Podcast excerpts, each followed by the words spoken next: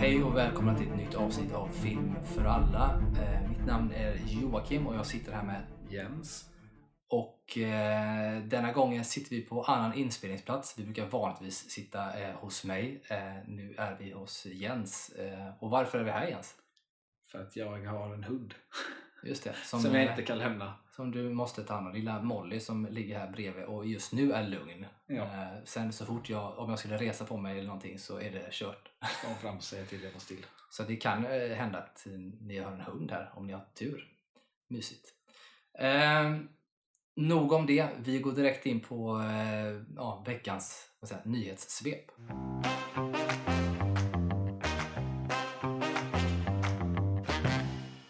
Och eh, här har vi egentligen, ja det finns ju jättemycket nyheter som kommer nu men framförallt så kanske vi ska ta vi kan börja och prata lite grann kring de trailers vi har sett för det har varit en Mm. ganska är intressanta trailers som har kommit ut nu. Det är kanske ingen nyhet i sig men det kan vara värt att säga till så att ni där hemma som lyssnar också kan gå in och titta och, och njuta av dem och, och se så får ni höra vad vi har sett i de här trailerna också. Vilken Mm. vill du börja med? Vi har ju några stycken.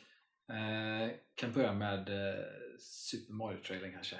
Mm, Super Mario-filmen då som delvis, eh, alltså det är en, en, en animerad film Ja. eh, som kommer ut. Eh, det gjordes ju en Super Mario-film för, på 90-talet. Ja, Eh, 93 eller sånt där, tror jag. ja, precis med Bob Hoskins bland annat och eh, kommer inte ihåg vem det var. Med. John Leguizamo. Ja just det, John Leguizamo ja, just det. Eh, känd från bland annat eh, Rouge. Spawn-filmen eh, och.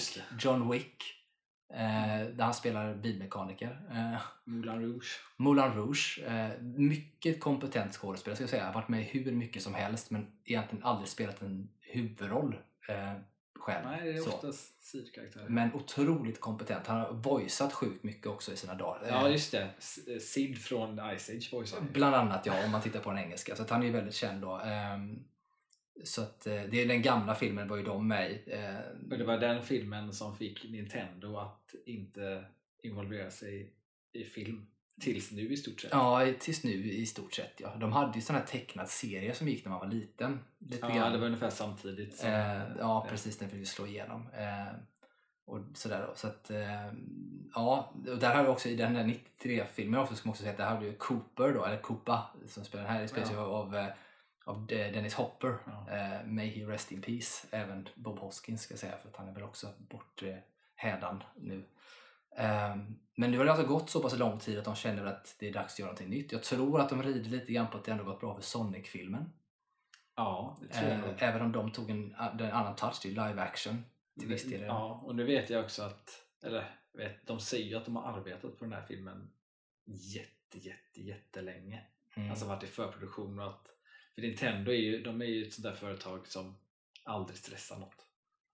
De låter saker ta den tid det tar. Ja, de stressar inte Eh. och de är, ja, de är bra på sitt varumärke också och tänker annorlunda. Eh, Ja.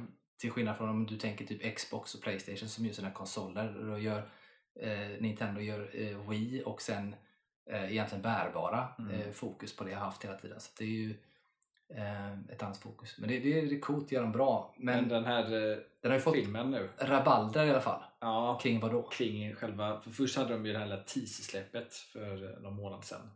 Eh, Då vi fick höra Marius röst för första gången och det blev rabalder kring att eh, Chris Pratt då som har rösten till Mario att det inte går eh, och att det är, eh, det, det är hemskt och att det låter inte som Mario och så vidare.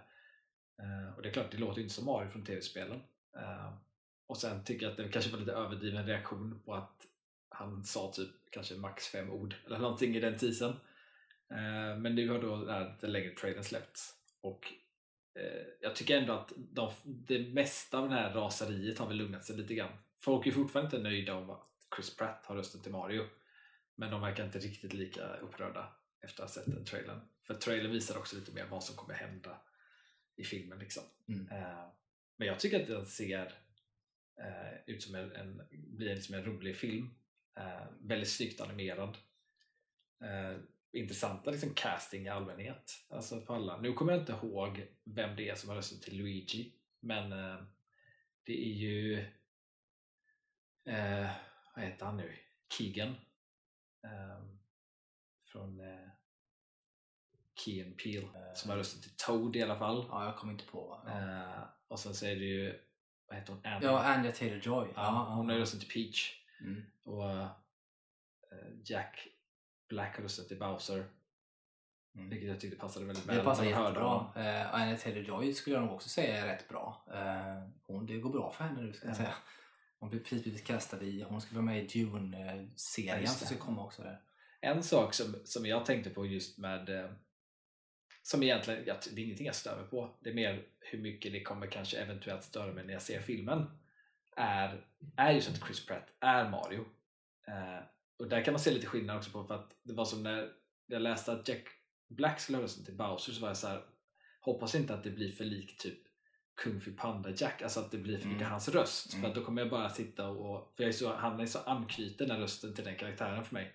Men så såg jag trailern så kä- känns det verkligen det är en separat grej helt och hållet. Men när jag hör Chris Pratt som Mario så hör jag bara och ser karaktären han spelar i Lego-filmen. Eh, och jag tyckte att det presenteras upp i trailern lite likadant med någon sån Vad spelar han i Lego-filmen? huvudkaraktären som bara heter eh, tror han bara heter Guy. Ja, ja. Ehm, The Chosen One, vad han heter. Men eh, för i Lego-filmen så är det också en oväntad hjälte som är meningen att liksom vara den Mm. som ska rädda allt. Och i trailern till Mario tycker jag att det känns som att det är lite samma sak med Mario-karaktären. Att det är han på något sätt hamnar i den här Mushroom Kingdom och inte vet vart han är. Men han på något sätt ska ju då vara hjälten eller bli hjälten. Så det känns som att det är en snarlik roll Mm. vilket gör att då kanske det bara känns som att jag ser Leo-karaktären framför mig när jag hör Chris Pratts röst. Ehm, men jag hoppas att, att filmen i allmänhet är, är bra. Ehm, Mm. Ja, det är spännande. Man tänker man pratar just om Chris Pratt och den biten för att han blir lite typecastad i sådana roller Ja. där man är en oväntad hjälte eller en motvillig hjälte. ja. Det är egentligen titta på, det är lite så i Jurassic Park också. Han Mm. inte nödvändigtvis vill det som han gör. Eh, Star-Lord i Guardians of the Mm. Galaxy, samma sak. Att han lite så här motvilligt blir den hjälten han blir.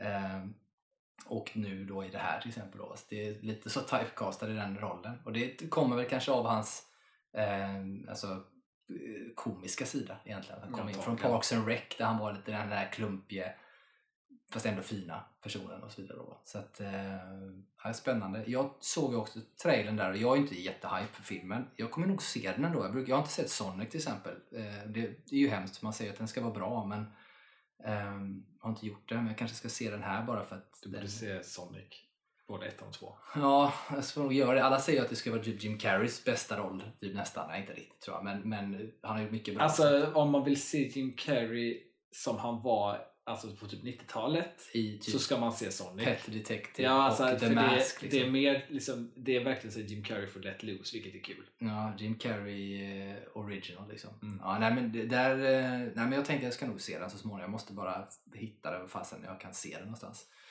Eh, på alla streamingtjänster man har. Så där. Jag får väl lösa det. Sen har vi eh, eh, men sen så när jag såg trailern här, lite kul ändå. Jag tycker ändå att när man hör Chris Pratt som det så finns det en liten så här underton och hint av någon sån liten italiensk li, Mario. Li, lite Brooklyn. Lite, ja precis den här Ja. Mario, den känslan med i det, vilket Ja. tyckte jag var lite charmigt. Det blir inte bara så. Det tycker jag ändå att, det, att de har löst det rätt bra. Så jag tycker inte att det är så farligt som folk säger. Samtidigt så kan man också säga att jag har ju inte heller den så nördiga, stora förälskelsen till Mario som jag kanske har till annat. Eh, som jag kanske har till till exempel till Star Wars där jag kan störa mig på när de gör saker som jag inte tycker är bra. Så att jag kan förstå kritik eh, som man får som Nintendo. Samtidigt så vad vill man ha för röst? Vill man ha en sån här Woo! Wee! Sån här Mario som Alltså, håller på ja. och som är så här Nej. I am a Super Mario. Nej, du vet, så här, för det, det, det blir jättekonstigt. det kommer du inte kunna göra en film med. Nej. Det funkar inte att ha den typen Nej. av dialog riktigt. För då får du ha en Mario som i princip inte pratar liksom, utan bara gör massa konstiga ljud och sådär.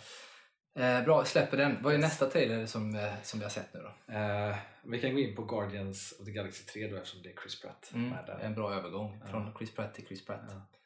Eh, där är ju en trailer som, eh, när senaste trailern man såg nu, eh, är ju, den laddar ju upp inför, ganska tydligt inför det som alla har spekulerat i. Det vill säga, och det här är ingen spoiler utan det här är en spekulation, men man pratar ju om att eh, alltså Rocket, Rocket Ja. Raccoon, kommer att dö. Ja. Eh, och att det kommer att kretsa mycket kring hans historia i filmen, det vet man. Alltså hans bakgrund, var han kommer ifrån. Eh, och i trailern så, så ser man ju saker som, som spär på liksom, känslan av att han kommer att dö. Ja, vilket får mig att tänka att han inte dör. Exakt, det är min tanke också. Att det är det som För James. Gunn är väldigt, han vill ju ofta hålla saker nära hjärtat. Liksom. Ja, precis. Och jag tänker också att det kommer förmodligen vara, för jag får känslan att jag, alltså man kommer sitta storböla under filmen. Alltså det kommer vara en sån bölfilm. Men jag tror inte nödvändigtvis att, att Rocket kommer att dö. alltså det, det, det känns som att Drax kommer dö. Ja, För, eh, alltså, dels för att skådespelaren har ju sagt att han inte vill fortsätta. Nej, precis. Eh, och sen att Drax berättelse egentligen, alltså karaktärsark, har ju egentligen redan tagit slut. För att hans motivation från första filmen var ju hämnd på Ronan och sen hämnd på Thanos. Mm. Ronan och Thanos finns ju inte. Mm. Så att den liksom arken är ju slut. Eh, så att han känns som ett, ett naturligt val att ta död på. Men också på något sätt det minst känslosamma att ta död på. För han är nog den karaktären av alla dem jag skulle nog reagera minst på att dö. Tror jag. Ja, kanske. Samtidigt som att jag tror att... I... Beror lite på hur, hur det Ja, görs. men samtidigt tror jag också att i en film man gör bygger upp nu en film när man ska se Guardians 3 så tänker jag ju att man bygger upp eh, Drax lite mer. För att han är fortfarande en karaktär man tycker om och är, är skithärlig på alla sätt och vis. Men att det kommer bli ytterligare ett element där som kommer göra att det blir jävligt tufft när han dör. Liksom, I så fall.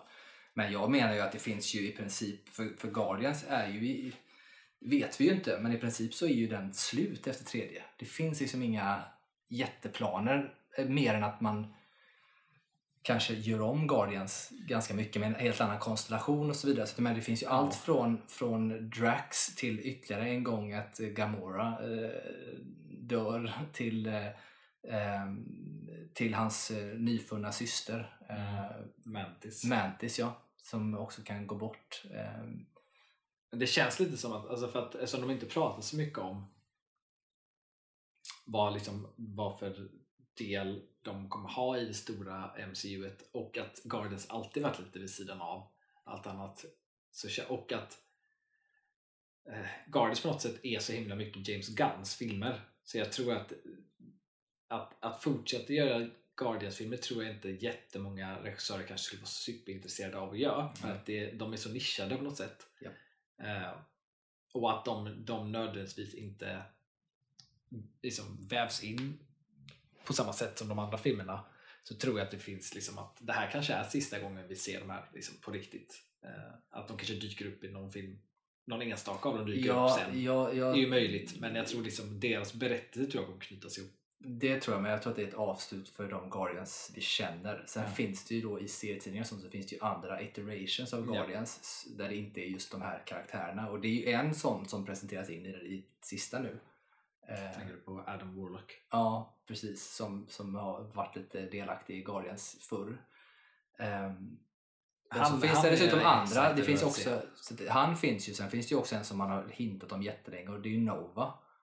Ja. Eh, Men som man valt att inte ha med för att man, det säger James Gunn själv, att man vill inte ha med honom för att man vill ha en människa med. Alltså som var så här, och det var ju då Chris Pratt Starlord, för att ha två då, då kan man inte följa den här saknaden av jorden och den biten med. Så att de har valt bort det. Vilket det kan man också introducera in så att det blir ett, ett ny, nytt Guardians. Men där har vi då, delvis är det Bautistas som han, han känner sig klar och kontraktet går ut.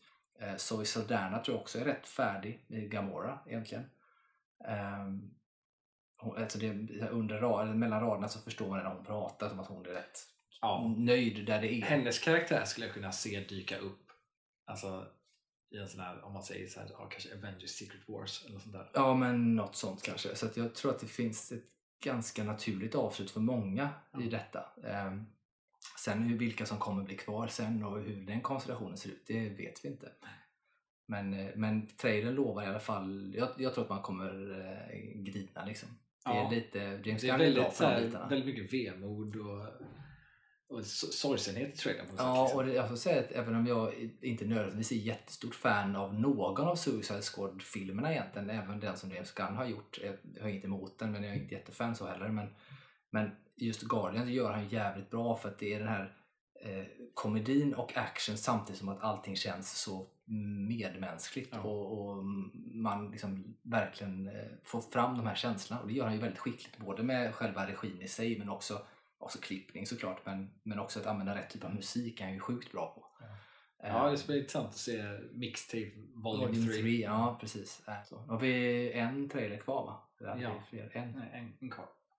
Det är ju Indiana Jones 5. Dial of Destiny. Som har fått ganska mycket, så här, det har blivit så mycket memes och kritik kring bara att den heter Dial of Destiny. Jag... Eh, alltså, trailern tyckte jag kändes väldigt Indiana Jones. Mm. Eh, det känns väldigt så här. Ja. Alltså jag skulle liksom inte, hade, hade jag inte vetat så hade jag nog inte ens tänkt på att det inte är Spielberg som regisserar. Nej. Faktiskt. Eh, sen läste jag att regissören, det är James Mangold va? Ja, det stämmer nog. Eh, och att han hade fått ett tips av Spielberg när han skulle göra den här filmen och det var ju att, att Indiana, en Indiana Jones-film är som en trailer, bara att den är väldigt lång. Och trailers är ofta bara rörelse i allting, Mm. ingenting tar stopp i en trailer. Eh, och har han tagit det till hjärtat liksom, så tror jag att det blir en bra film.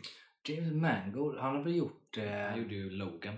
typ Precis, största. och det är något mer som han har gjort. För jag tänkte just på det här med Spielberg, för att både Logan och även någon sån annan han har gjort som jag inte kommer på vilken det är nu, så är det fan lite, han är inte helt ospielbergiansk. Alltså han känns rätt Spielberg i sitt sätt faktiskt ändå. Det hade inte jag tänkt på innan. Ja, kanske. Nej, jag har inte Men det finns någonting faktiskt. i det som, ja, ja spännande. Nej, trailern, eh, skitcool. Alltså jag, Sen- det är mycket bra grejer i den. Sen så var, jag såg ju någon sån här ja, breakdowns av trailern liksom sånt. Men där var det så här, det, det har ju nämnts att det ska ju vara en, en eh, föryngrad version av Harrison Ford i filmen. Men jag tror till och med i för det är någonting i trailern, en scen där, Mm. som eh, jag tror är en ung Harrison Ford. Alltså en ny version av han som ung. Och inte från, men den är, den är gjord så att det ser ut som att det är från en tidigare film. Och det är en sekvens när de drar av han en, en, en eh, sån här huva. Som typ det är jag tror att det, det är väldigt likt hur det är när han, det händer i trean tror jag. Eh, men jag tyckte inte riktigt att det passade ihop exakt med hur det är i trean. När det händer i den scenen. Och att det var någonting med hur Harrison- Ford såg ut i trailern som fick mig typ att bara det var någonting det var något med hans ansikte där. Vilket får mig att tro att det kanske är att det är liksom den, en ung, liksom en, en de, de-aged version av honom i filmen. Mm. Eh, som de liksom smugit in utan att folk har tänkt på det i trailern. Ja, men jag tror, ja så är det nog säkert. Men jag, det kommer ju vara, har man ju sagt, eh, att de de-agear honom. Ja, men det vet man ju. Men jag tycker bara att jag har inte hört någon nämna det i trailern, att de har sett det. Nej, och det är ju konstigt kan jag tycka. För jag var ju ganska övertygad om att det var det när man såg i trailern. För att, eh, för att det är ju väldigt kul om, ingen, om folk typ inte tänker på det och så är det för att jag är inte helt säker på att det var DH, det kan ha varit från Indiana Jones 3 alltså det kan lika väl varit klippt därifrån Ja, jag fattar vad du menar. för det är där i natthuset de tar- Ja, jag fattar vad du menar. jag tyckte jag, det kändes inte riktigt rätt Nej, jag, jag, tror att, jag tror att det är de-aging. Jag tänkte hela tiden att det är det. Ehm, för det såg jävligt bra ut Ja, det ser riktigt bra ut. Men den där tekniken går ju bara framåt eh, egentligen. Mm. Eh, hela tiden. Från jag vet första gången jag såg någon som var riktigt sådär välgjord som man nästan blev chockad över hur välgjord den var. Som idag inte känns så jävla välgjord. Men det var ju när, när Leia i eh, vad är det? Rogue One va? Eh, när hon dyker upp. Så man tänker bara shit, det, fan vad bra det var gjort. Tänkte man då. Eller även Tarkin. jag tyckte Tarkin var bättre Ja, Tarkin var ju i och för Fast sig... det också skiftade från typ sekvens till sekvens. Det var vissa gånger då Tarkin var med och jag bara jävlar vad bra det. Ja, precis. Och det är lite grann på, på hur mycket de pratar och så vidare Ja. i senare. Men, men där var det de två i alla fall var så tidiga och man tyckte fan vad bra det var. Men det var stora filmer, jag har lagt mycket pengar på det och så vidare. Då. Eh, och sen så kommer ju då i serien Mandalorian när Mark Hamill som Luke Skywalker dyker upp första gången. Ja, jag tycker inte att de var bra. Eh, och grejen är så här att jag tyckte Bra när man, TV. när man såg det då första gången tyckte man fan vad, fan vad bra, fan vad coolt att de ändå gjort det så, vad bra han var. Eh, men sen så gjorde de ju Mandalorian efteråt. När man dessutom har tagit in den här snubben som är, har något ryskt jävla namn, han som gjorde de här, alla de här face eh, alltså, på egen hand. Han hade sånt Youtube-konto eller vad fan det var. Han gjorde de här deepfakes eh. Eh, tog honom till hjälp till att göra nästa Mandalorian och där så såg Mark Hamill, då såg han ju ännu bättre Ja, ut. i, där gjorde de ju när han var med igen så såg det väldigt bra Ja, ut. då såg han sjukt bra ut. Då blev man också så här jävligt imponerad. Bara, Fan vad bra de har fått till det. Och så har det varit några sådana här, man ändå sett att de har de-ageat på olika håll nu. Och, så här, och det blir bättre och bättre. Och vissa gånger gör de det mer och mindre och sådär. Men de har ändå fått till det bra. Men det som man har sett nu, för jag såg någon stillbild på någonting som någon säger att det här är en the på Harrison Ford. Harrison Ford har själv sagt att det är spooky att se det. Liksom. Eh, och gäller det då det i trailern det här som man säger, alltså det är så jävla välgjort. Att det, det, det är ju läskigt liksom på riktigt. Eh, så att det där ska ju bli extremt spännande att se. Och det blir ju verkligen, det blir ju verkligen läskigt på riktigt. För att du kan ju i princip med det sättet så kan du inte bara, alltså du kan både de-agea gamla skådespelare men du kan ju också eh, ta in stand-ins för skådespelare. Alltså du kan ju fortsätta även, Harrison Ford är ganska gammal, säg att han, säg att han liksom, peppa peppa nu då skulle dö imorgon och så vill man ändå göra en liten fortsättning på Indiana Jones eller en spin-off som kommer komma i och för sig men den kommer handla om innan men en spin-off där Indiana Jones kommer dyka upp lite, ja, men då kan han ju vara med för du kan bara sätta, klistra på hans ansikte på någon annan i princip. Ja, men det är samma sak som det här, eh, det här att, att ta folks röster. Mm. Eh, Det har jag också såg en sån video för alls länge sedan där de hade det har de kommit alltså, helt sjukt långt med. Och det funkar på samma sätt som deepfake, att man, den, man tränar dem till att lyssna på olika ljudspår. Man liksom. tränar AI helt enkelt. Ja, och sen kan du skriva vad du vill och de läser upp det. Det låter precis som en skådespelare. Ja, ja. Det, Det finns, är helt eh, sjukt. Ja, ja, det finns, eh, jag har haft, om det var en app eller om det finns en hemsida man kan själv gå in på. Så finns det så här, du kan skriva vad du vill och sen så har du ett antal så här, både kändisar och lite annat möjligt som du, kan välja. Man vill att det ska låta som Barack Obama säger detta. Och det, är, det låter som det. Du kan skriva vad du vill och det låter som det. Vilket är helt sjukt. Um, så det går också framåt. Vilket gör att om man nu bryr sig så mycket om, om continuity och inte vill liksom byta ut skådisar egentligen och sådär. Eh, för jag menar, du kan ju då hitta på en, en sequel till, ja, säg Indiana Jones eller säg till eh, Star Wars eller vad som helst och så kan du låta eh, kanske inte, det kanske blir dyrt att låta någon komma in och köra som huvudroll i någonting men du kan alltså ha in som vet, kommer in en sväng och är lite hjälp i någon film så småningom även efter de har gått bort. Ja. Men där är frågan, Tarkin var ju inte vid liv. Nej, till exempel. Och där kommer ju frågan lite grann kring då, alltså rättigheter. Vem får pengarna? Alltså hur, hur, hur man hanterar det rent etiska kring det kanske. Och där, där har vi nog, tror jag att filmbranschen det inte riktigt har hunnit. Jag läste Hunnit att, upp till att det riktigt. många, eh, speciellt Disney vet du, men även andra större filmbolag nu har ju börjat ha med fösa in i kontrakt Ja, att, att eh, så här, med gällande rättigheter till ansikten och röst, vad för rättigheter de har och inte har och sånt. Mm. Ja, för det måste man ju nästan gö- göra. Men det måste ju också vara så här, vem tillfaller då eventuell revenue man Ja. får på filmerna? Efterlevande eller sådär. Och på ett sätt kan det ju vara fint för det innebär ju alltså, jag tänker att visst att Harrison Ford skulle kunna ge det till en familj om han hade haft liksom, något sånt. Men man kan ju också tänker jag, som jag själv som inte har liksom barn på det sättet, om jag hade varit i en sån situation att men jag är ganska gammal, eh, jag kan liksom låna ut min röst, men då vill jag att alla pengar som man tjänar på det går till ett välgörande ändamål. Ja, exakt. Och sådär. Så att jag menar, du kan ju verkligen skapa ett superbra legacy för Mm. dig som människa om du väljer att göra sådana typer av kontrakt. Så det finns ju en win-win situation egentligen för Mm. alla. Så att, ja, det ska bli väldigt spännande att, att följa det och se den filmen. Jag, blir, jag är superhype på den. Jag, jag ser framförallt det har ju ryktats om tidsresor och lite allt möjligt i den. Vilket Det är ju under the space race. Så att, Ja, det är ju där lite grann. Det har ryktats en hel del om det. Vilket är liksom så här, vad, vad har eh, Indiana Jones egentligen inte tangerat så mycket? Och tidsresor har de inte gjort. De har gjort dimensionsgrejer, de har gjort lite Ja. allt möjligt. Men tidsresor har de inte hanterat än. Men det finns ju ganska mycket kring Space Race och ja, där innan bland annat när de skapade alltså Manhattan Project med atombomben och även de här andra sakerna som pratar om just under Space Race och därefter man pratar om att de eh, höll på med experimentera med tidsresor och dimensionsresor ska man säga. Men det ryktades om att den amerikanska eh, världen och även då ryssarna höll på med sådana saker vilket kan då vara en del av det. För att det har vi pratat lite om innan med Indiana Jones 4 då som jag inte är så jättenödvändigt kanske stor fan Jag tycker att den är bra i, i, i delar men eh, den blir liksom, det blir för mycket i slutet egentligen. Det blir liksom för stort på något sätt. Men eh, är det fler som tycker också. Det kan man ju bortse ifrån. Men det blir lite så här, hur följer man upp det?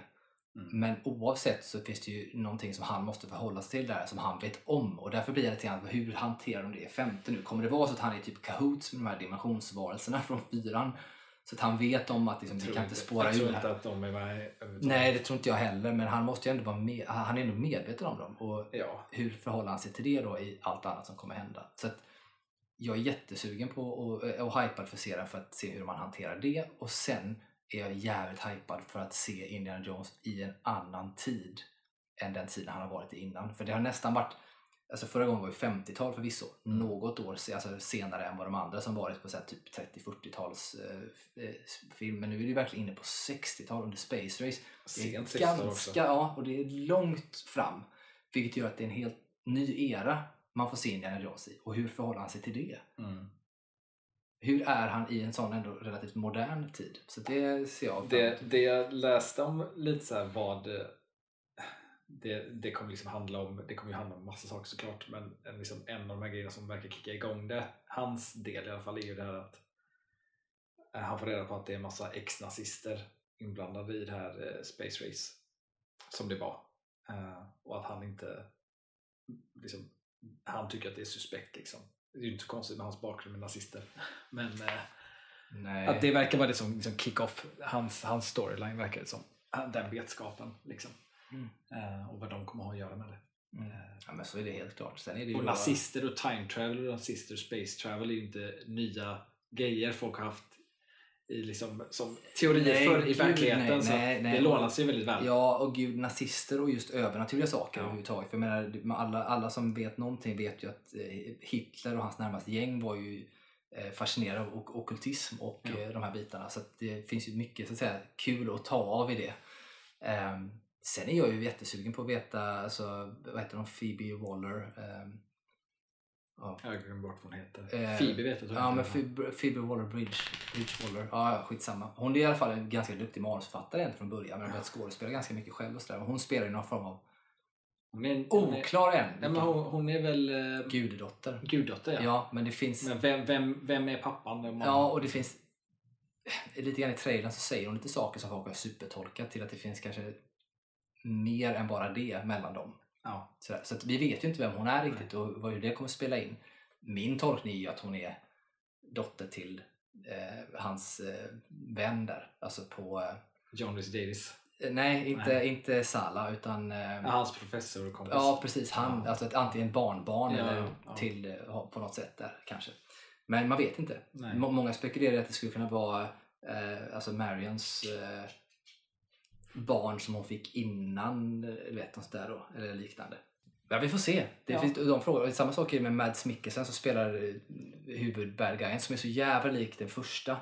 Alltså i, Jag vet, han är jättelik Ja, och då honom. tänker man så här, finns, har det finns ett släktskap däremellan till exempel? Ja. För det är också det är hatten, det är glasögonen, det är jätte- väldigt likt från första eh, Indiana Jones-filmen. Så man tänker att Och han spelar ändå en, en person som har funnits på riktigt ja, i den här. ja, och då blir det lite spännande. Så gillar jag ju den andra hantlangaren också som jag också gillar som skådis. Han är med i Sandman bland annat och de här bitarna. Eh, Mm. Ja, nej, nej den, den, är jag, den är nog en av dem som jag är mest hype för faktiskt nu. Framförallt efter trailern. Ska jag säga. Ja. Eh, innan, jag hade- innan tänkte jag inte mycket på innan, jag, jag inte heller, innan trailern var jag inte så intresserad men efter trailern så är jag så här, okej det här känns det, det är kul tycker jag när man kan bara eh, komma tillbaka till eh, en filmvärld på nytt. Mm.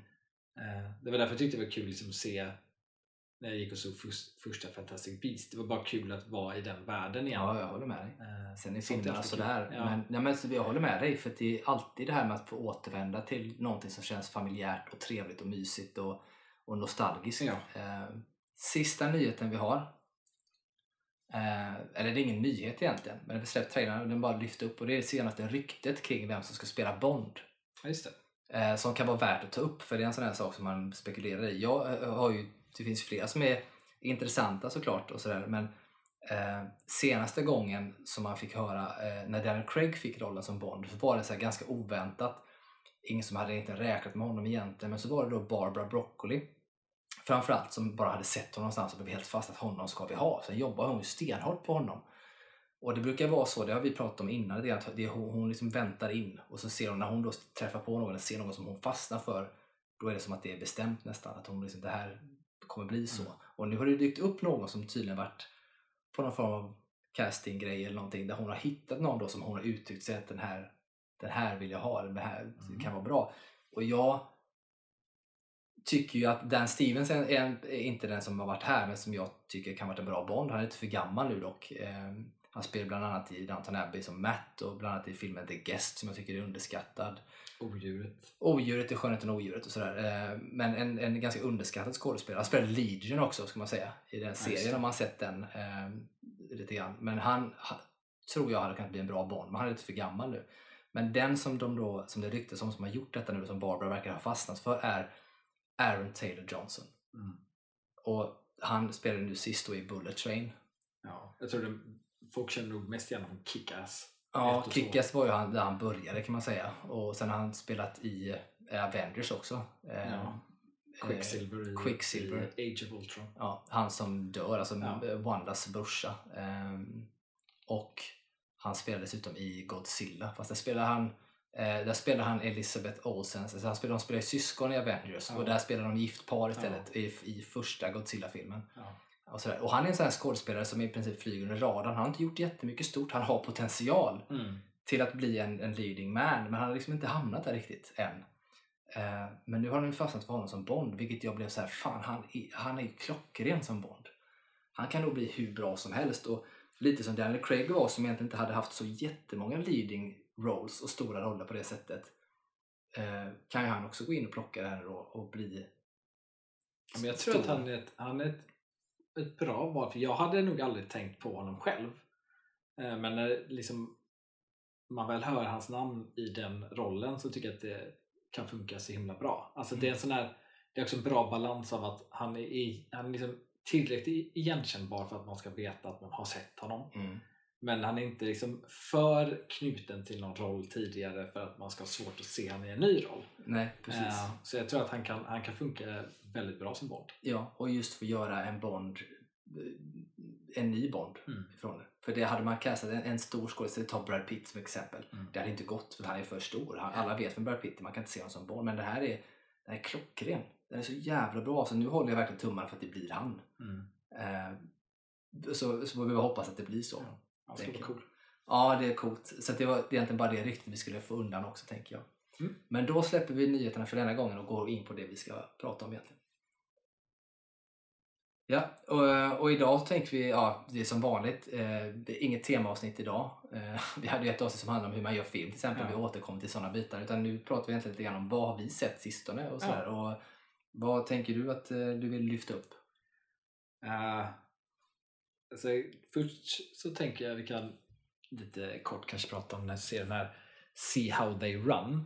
För Mm. att den tror jag att vi bara nämnde någon gång. Då hade du sett den och inte jag sett den, men nu har jag sett den också. Eh, och det är ju en, eh, en uh, Who Done It deckare Mm. eh, på metanivå. Eh, säga. med, vad är det han nu heter, den skådespelaren? som Ja, det är Sam Rock. Rockwell. Sam Rockwell heter han. Eh, och så Eh, Saoirse. eh, Saoirse, ja. Det är ju massa ja. skådespelare som man tycker om som är med i den. Men det är ju en... eh, Ja, det är ju så här. Det är ett mord som sker. Och eh, en, Ta reda på vem det är. en deckare ska ta reda på vem, vem det är. Who done it. Ja. Ja. eh, Men det är ju väldigt mycket så här.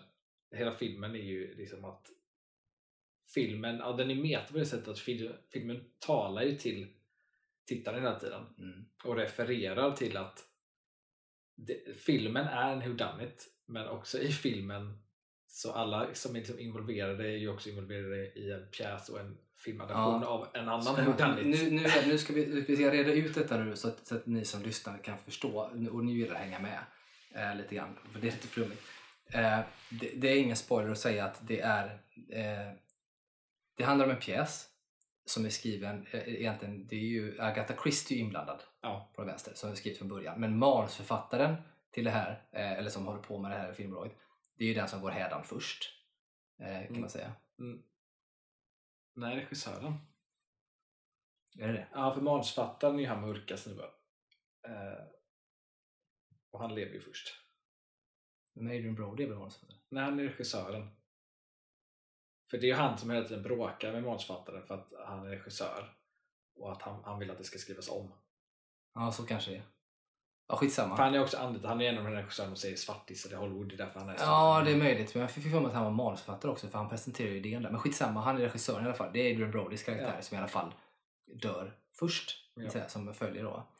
Eh, I den här eh, i produktionen då på den här pjäsen. Eh, Och pjäsen i sig ha- är, ju också då, eftersom det är Agatha Christie, en whodunit. Mm.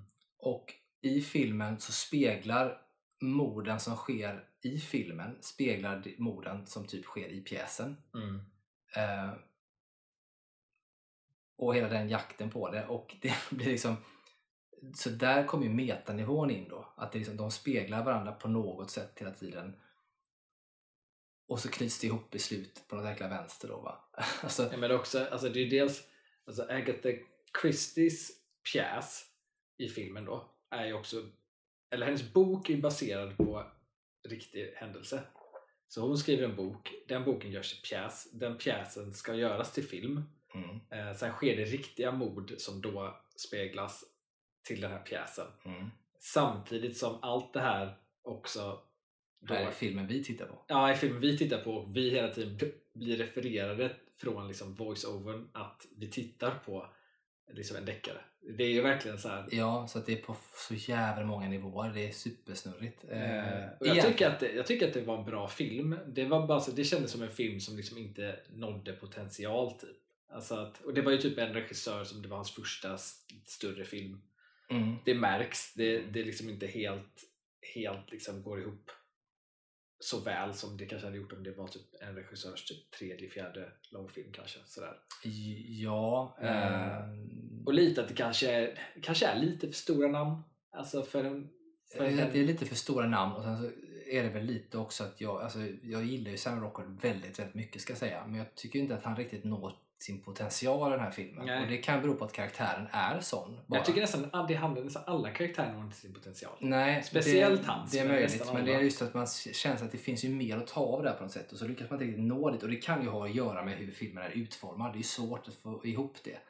Eh, Sen den största grejen är att den, är- den är ju to, tonmässigt och liksom stilistiskt väldigt likt Wes Andersons filmer. Gud ja. Speciellt typ första halvan. Det dör ut lite med filmen. mm, Men den börjar som... Alltså hade jag inte vetat någonting om den alls eh, och vi säger att den hade kommit ut för 15 år sedan Mm. så hade jag kunnat tro att det var en tidig film av Wes Anderson. Där han inte riktigt kanske hade liksom börjat hitta exakt vad han vill ha. Så kändes den lite. Ja, samtidigt är det, ja, nej, jag har kanske inte gått på det i och för sig. Men jag tänker att är man inte jätteinne på vad Wes Anderson gör för film eller har sett dem så mycket, eh, men man har förstått det lite grann kanske. Om man skulle säga så här, ja, men det är en Wes Anderson-film det här och så tittar man på den, då hade man kanske kunnat tro på att det är det. Ja, det tror jag nog. Eh, så. För att den är, som sagt, i början så är det väldigt mycket Wes Anderson. Och det hjälper ju inte heller att du har typ Sam Rockwell, Saoirse Ronan, Adrian Brody som är typiska, alltså de är ju med i Wes Andersons filmer. Har Sam Rockwell varit med i Wes Anderson-film? Eh, det har han väl? Ja, Moonrise Kingdom var han med i va? Ja, jag tror det. Han är med i Moonrise Kingdom. Och så är det Ja, eventuellt... för han är den typ lägerkampsnubben va? Nej, det är Edward Norton. Edward Norton är men han har varit med i någonting där, Sam Rockwell. Jag är, inte, jag är fan inte helt säker på om han har varit med. Nej, men skitsamma. Men, jag- för- Adrian Brody har ju varit med i För mig flera. att jag är säker på. Saoirse har varit med i varit med två i två. i alla fall. Eh, Brody har varit med i det är tre eller fyra. Hur många har varit med i? Han har varit med i men- Darjeeling, eh, Darjeeling, eh, Budapest, Grand Budapest Hotel. Budapest Hotel. Sen var han ju med i den senaste han gjorde. Eh, ja, precis. Eh, eh, French, Fresh Dispatch. Han är med i eh, Sisu, Berford Kotick. Han är med i. Ja, det är mycket möjligt att han är. Ja, Jag tror att han är med där. Eh, och sen så tror jag också att han är med som röst till någon eventuellt i eh, den eh, stop motion han gjorde. Den här, eh, För, ehm, inte Fantastic Mr Fox utan den andra. Jaha. Det vet jag inte. Vad fasen hette den? Isle of Dogs. Ja, men sen i Moonrise Kingdom, är han med där?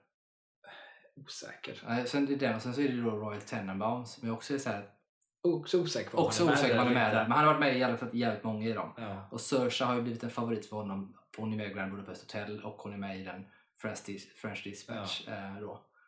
Eh, men sen är det ytterligare någon i den här filmen som jag också vet har varit med i Wes Anderson-filmer innan. Jag kommer på, fan inte på vem det är nu bara. Nej, För nu är det som sagt, jag såg den här filmen för, var det näst, ja, jag vet inte när det var. Det är ett tag sedan nu. Och Det du är såg några den, månader sedan för dig och för mig är det väl typ tre veckor sedan. Ja, men det är något sånt. Jag såg, det var rätt länge sedan tror jag som jag såg den. Eh, Så att jag minns inte riktigt. Men det är någon, för det är många sådana som man tänker att oh shit, det är så jävla mycket Wes Anderson i den. Eh, så. Men den är som sagt eh, inte riktigt lika bra som Wes Andersons film tycker jag. Inte riktigt samma glimt i ögat och, och de här bitarna som är och den når inte riktigt sin- sin potential. Men, men det är intressant ur ett rent eh, filmskaparperspektiv att titta på den. För att det blir så jävla många metanivåer Ja. hur man får ihop det. Det är också som det som gör det svårt och det är också jag också tänker att gör regissören ändå relativt skicklig. För Mm. att det är fan svårt att få ihop det tänker jag.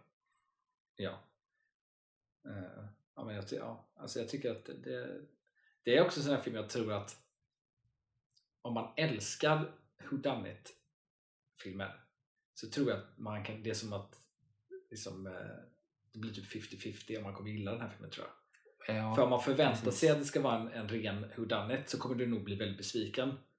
Eh, men om du är liksom mer om, om du är mer i tanken av att liksom eller om vi säger, har du sett typ Enola Holmes whodunit version av en liksom räkna ut vem som är Mm. bakom grejer så tror jag att du skulle uppskatta den här filmen för att det liksom är det är inte så komplicerat liksom.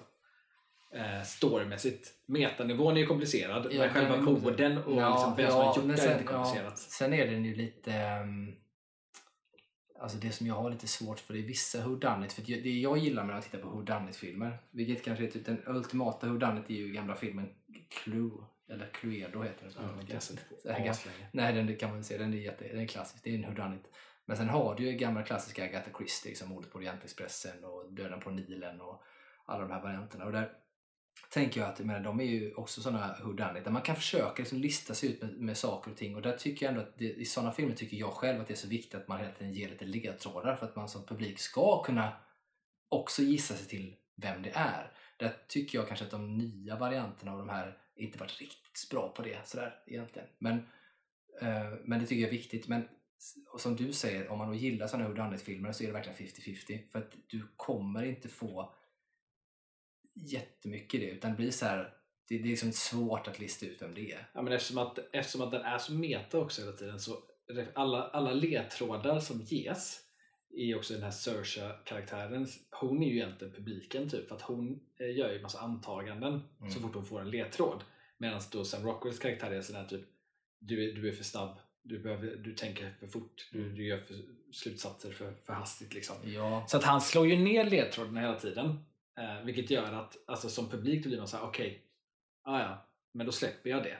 För att det slutar ju också med att det faktiskt inte är alltså, det man, liksom, ledtrådarna går ändå inte åt det. nej, de För att det som händer är ju egentligen också meta, för att det som händer är ju vad, vad regissören ville skulle hända Ja, typ i pjäsen Ja. som inte hände i pjäsen. Men det han vill skriva om, det är också det som händer i verkligheten så att Ja, säga. precis. Så att det blir väldigt Ja, det, lite, det blir lite konstigt whodunit för att det blir en, utan att spoila för mycket. själv- men, men ja, ja, och det är det som är lite eh, problematiskt med den. För det, jag har ju lite svårt för när man skickar iväg eh, tittare på eh, sådana här liksom, falska spår egentligen bara.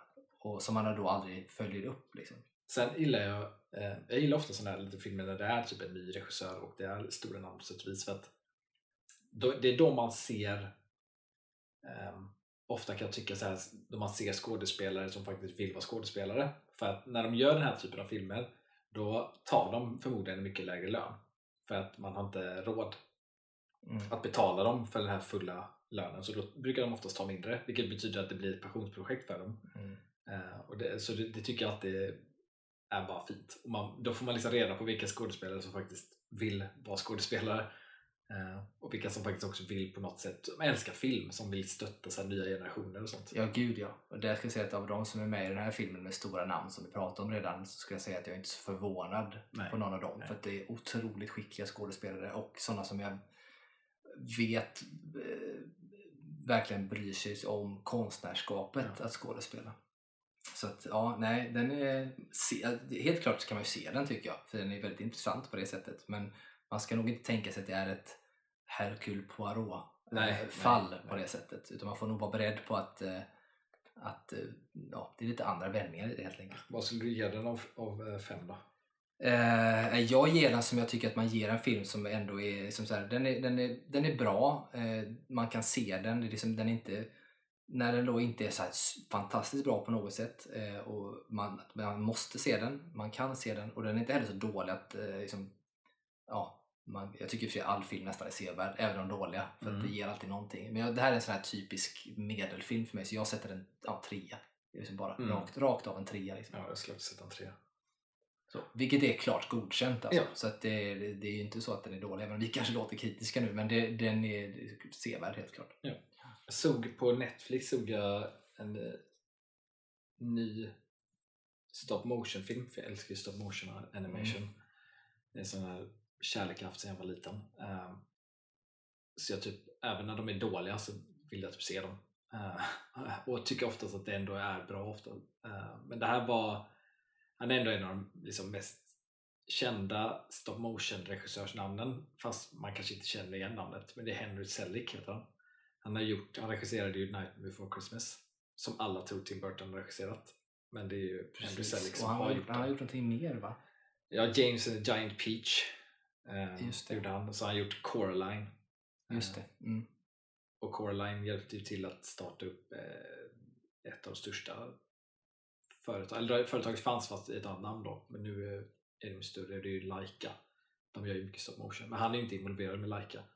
Men, eh, så han har gjort en ny stop motion film med vilket knyter sig an till egentligen på sätt och vis eh, Super Mario-filmen. För att det är två av rösterna är Key and Peele så det är den komikerduon där ja, Peel, Jordan Peel, han är ju regissör nu så att han inte, men Keegan han gör ju fortfarande skådespelargrejer för mycket. Men eh, det är stop motion film som eh, handlar om en, eh, en ung tjej som kommer tillbaka till sin hemstad typ efter att ha typ varit alltså vad ska man säga, hon har varit eh, alltså, involverad i, i eh, typ, alltså vad ska man säga, inte kriminalitet men nästan. Och liksom varit så här bråkbarn typ. Så att de har haft henne på ett ställe men nu ska hon tillbaka och vara i en skola typ. Eh, och i samband med det så finns det två vad ska man säga, demoner typ. Och det är de här Wendell and Wild som är demonerna liksom, som Mm. är så här low level demoner typ.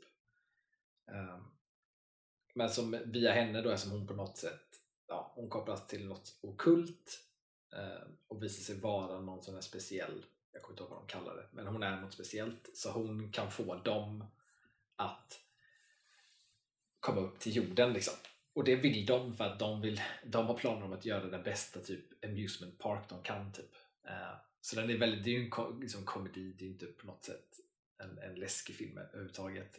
Eh, men det är ju lite som han ofta, Henrik Selick, han har ju lite så här han lånar sig lite mörkare teman ofta. Även Coraline är liksom mörkare film. Ja men kolla, men det är bara att titta på Nightmare Before Christmas som, som utspelar sig i en värld som man skulle kunna tolka som ond i Ja. Halloween Town. Ja. Vet, det är dödskallar och det är massa hemska saker sådär. men de är ju inte så farliga egentligen. Nej, det är samma sak här, demonerna är ju inte farliga. Nej precis. Eh, men jag tyckte att eh, kul att se bara stop motion animation. Alltså det var ju bra animerat. Eh, den fall bara väldigt platt för mig. Eh, den var väldigt ointressant. Det var liksom inte ja, alltså huvudkaraktären var eh, det var liksom ingen riktig motivation alltså för någon egentligen. Allting var väldigt, väldigt ytligt. Eh, jag skulle nog säga att det, av, av alla hans filmer så är det nog den som mest lånar sig till eh, yngre tittare. Mm. Väldigt mycket mer. Alltså det, att, att jag märker själv att min ålder inte passar där. För Coraline är samtidigt, den filmen är väldigt, också egentligen riktad mot unga men den är samtidigt har ett väldigt djup i sig. Så Coraline tycker jag är väldigt bra även för en äldre publik. Men Wendell Wild var väldigt ytlig och barnslig. Eh, tyvärr. Jag tyckte, jag trodde den skulle vara mycket bättre än vad den var.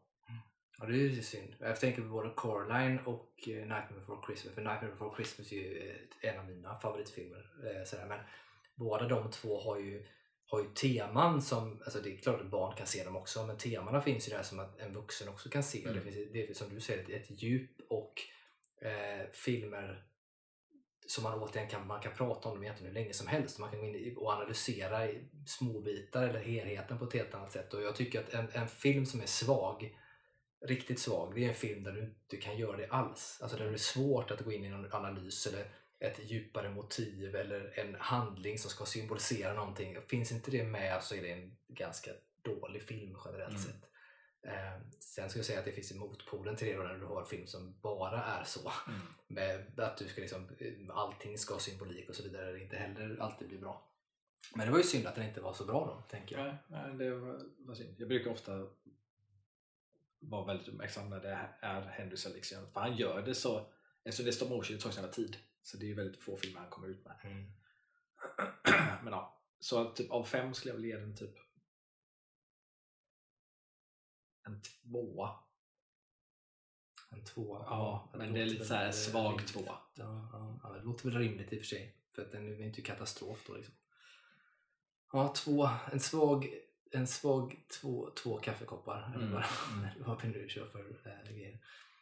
Bra. Eh, jag har inte sett den själv. Vet inte om jag kommer se den heller. Framförallt efter detta så känns det inte så, eh, så sugen. Jag tror inte man, det, det är ingen film som kommer gå ner i filmhistorien. Nej, och det är också en sak som vi kan komma in på sen, men det är en sak som jag har börjat störa mig på. Eller inte störa mig på, men jag känner att jag hinner inte riktigt med att titta på film nu för tiden. Men vi kan komma in på det sen om jag kommer ihåg, annars så skiter vi i det. Tar det en annan gång. Eh, vad, vad mer tänkte vi ta upp nu då? Eh, ja, men jag såg den här eh, Weird, eh, The Al Jankovic Story. Precis, med, med allas vår Harry Potter, alltså Ja, Daniel Radcliffe Radcliffe. som eh, Weird Al Yankovic då. Ja. Eh, och där, en, en lite bara intressant grej med den är ju att jag läste att den spelades in på 18 dagar. Vilket är helt sjukt lite. ja, det är rätt lite alltså. Eh, Men samtidigt efter jag sett filmen så kan jag också se att det, jag kan köpa att det var 18 dagar. Men jag hade så blandade känslor när jag såg den. För att dels så var jag intresserad av att se den för att när jag var liten lyssnade jag mycket på Weird Al. Mm. Eh, sen är det liksom, jag tror inte jag har lyssnat på Weird Al sen jag var typ 10 eller något där. Ehm, men det är ändå så här, jag kommer ihåg, jag har så här glada minnen av att man lyssnade på hans musik som liten. Så jag var så här, ah, kul att se liksom en, en film om honom. Eh, och sen att Daniel Radcliffe var med, jag gillar typ allt där han är med. För det är bara, jag tycker han är svinduktig. Eh, Och han är ju det. och att han så gör, jävla- han, speciellt när han gör roller man inte förväntar sig att han ska vara med i. Och vilket han gör nästan jämt. Ja. Han är så jävla bra på att Ja. göra konstiga roller alltså. Verkligen. Eh, Men sen så var det så här, för jag såg trailer på den. Och då tror jag inte ens att jag såg, liksom, såg hela trailern, jag såg liksom halva. Eh, Så jag, in, jag trodde först när jag började titta på den att det skulle vara en, liksom, en, en riktig biopic. Att vi skulle liksom se hur, hur, han, liksom, hur det gick till. Sen i liksom, första minuten av filmen så kommer det upp i titeln A Funny or Die Production. Och då var det direkt såhär, bara, aha, okej. Eh, det bara, kommer det här vara alltså en ren komedi tänkte jag då? Funny or Die det är ju komiker, liksom, det startades, tror jag, Will Ferrell var inblandad och startade det Ja, tillsammans med någon för massa, massa som Youtube-grej typ för länge sedan. Mm. Eh, Så, sen så var första scenen så märkte jag typ, ah, okej det här är en parodi. Eh, Så, liksom, och så tänkte jag bara så här, det är klart att det är en parodi. För att det är ju hela Weird Al's grej. Är att han har ju alltid gjort parodimusik. Så då skulle såklart en biopic om honom vara en parodi på en biopic. Eh, så det är väldigt självklart att det är så. Ehm, sen så tyckte jag det var lite synd för jag hade velat se den riktiga berättelsen om honom. Alltså på något sätt. Eh, sen så var det väl lite så här, alltså det, jag tyckte det var liksom en helt okej film. Ehm, uh, Daniel Radcliffe tycker jag var jättebra i den. Jag tyckte att liksom tyckte det var liksom lagom rolig. Eh, lite att det det kändes som att det redan har gjorts.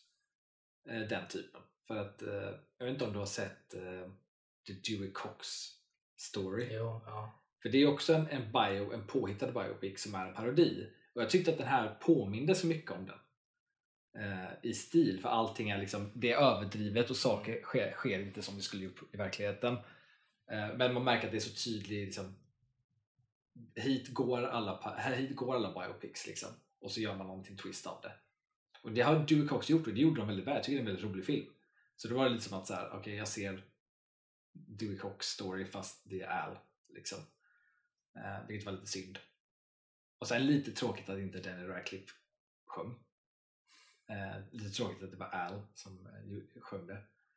Ehm, sen var det lite så här, eftersom att jag tyckte ändå i början att den, den var lite på balans här mellan att vara eh, att, att vara en komedi men att det var en komedi som tog sig på allvar. Mm. Men efter typ halva filmen så var det som att den gav upp det och bara nu tar jag inte mig själv på allvar alls utan nu, nu går vi bara ut för. Ehm, och det var väl så här, det är, det är vad det är. Eh, och jag tror att jag hade nog inte varit lika besviken av filmen om jag hade vetat från början att det skulle vara den typen av film. Ehm, så jag tror att jag var lite så missfärgad av vad jag trodde det skulle vara. Mm. Uh, så jag tycker att något av det roligaste egentligen är väl uh, i filmen där när de säger när, han, när han ska börja göra originell musik och han gör uh, Edith och att det liksom att de, att de gör så antyder att det här, det här är det här är min musik, det här är min musik, det har inte gjorts innan och de verkar alla bara, fan, fan, inte, så du menar att du har gjort en helt ny låt som är helt originellt innan? Bara, ja, det är min. Och sen gör Michael Jackson i efterhand gör Beat It och, alla, och han är orolig att alla kommer nu tro att han har gjort en parodi på Beat Det tyckte jag var kul, lite roligt.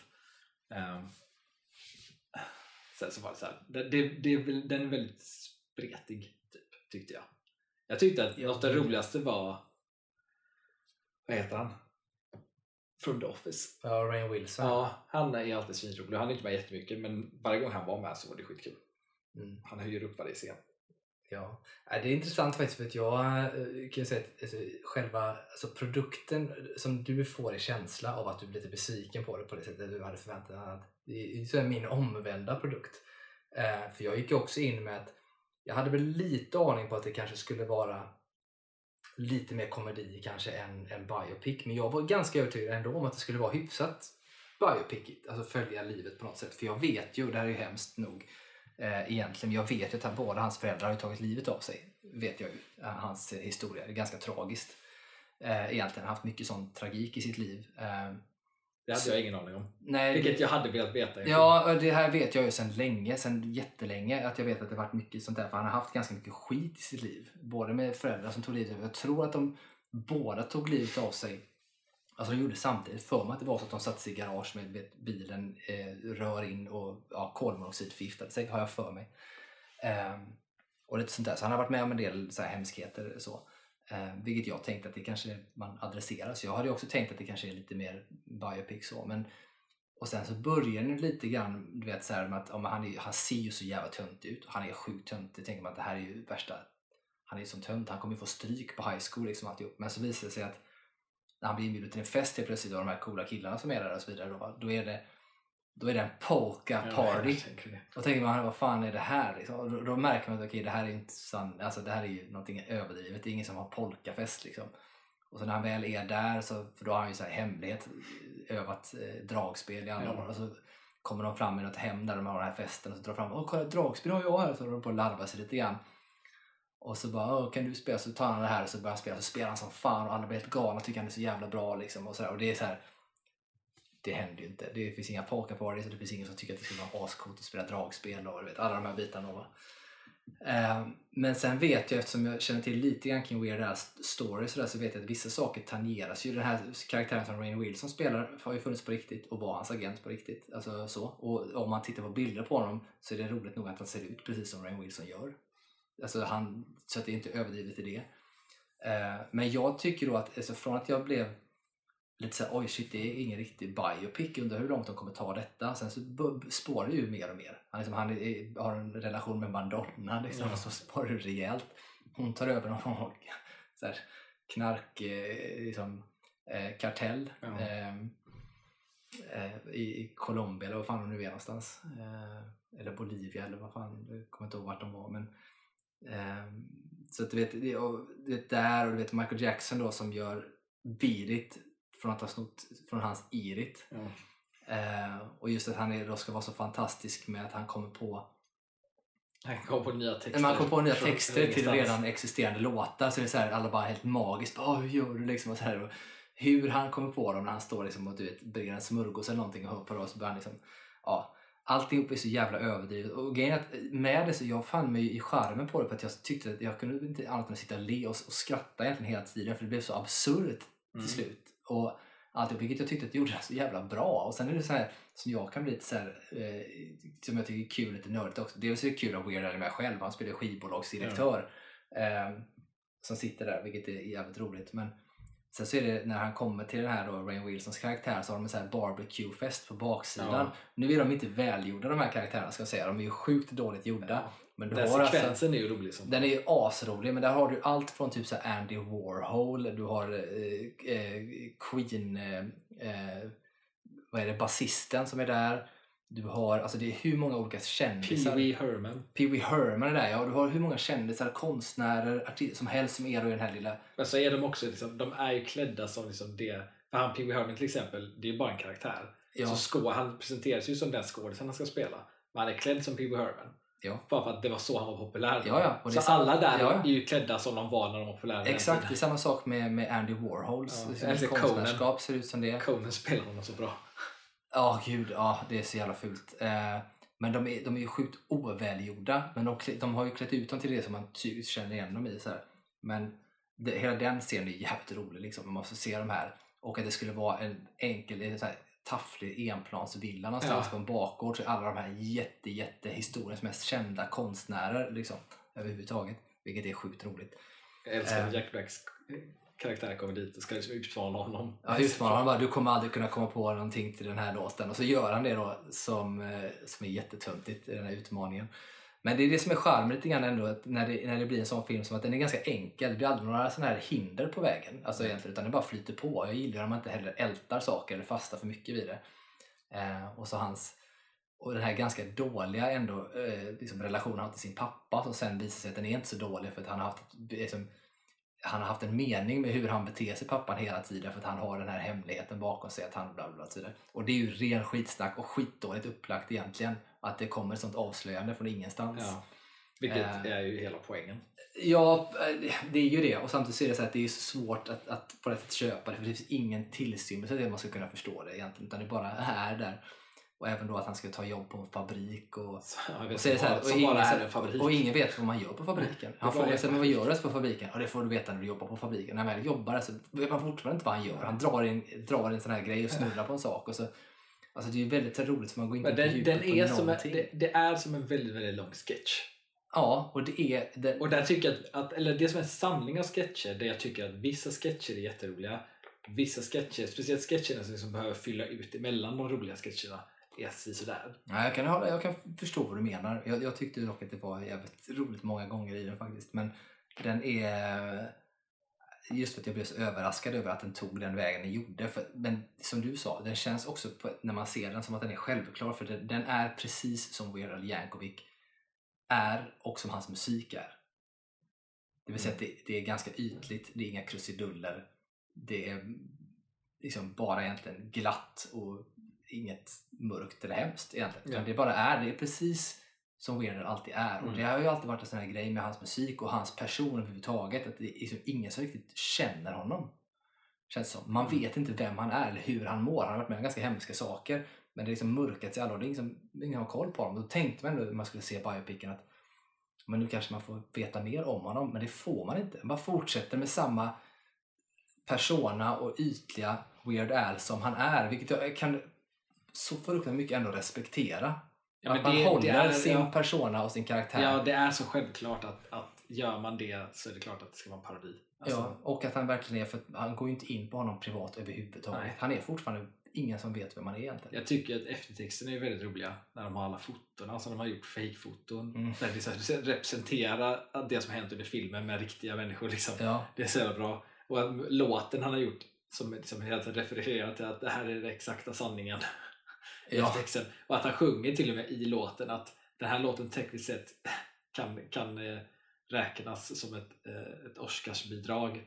Just för att den varit med i film på det sättet. ja, liksom. ja visst, visst är det så.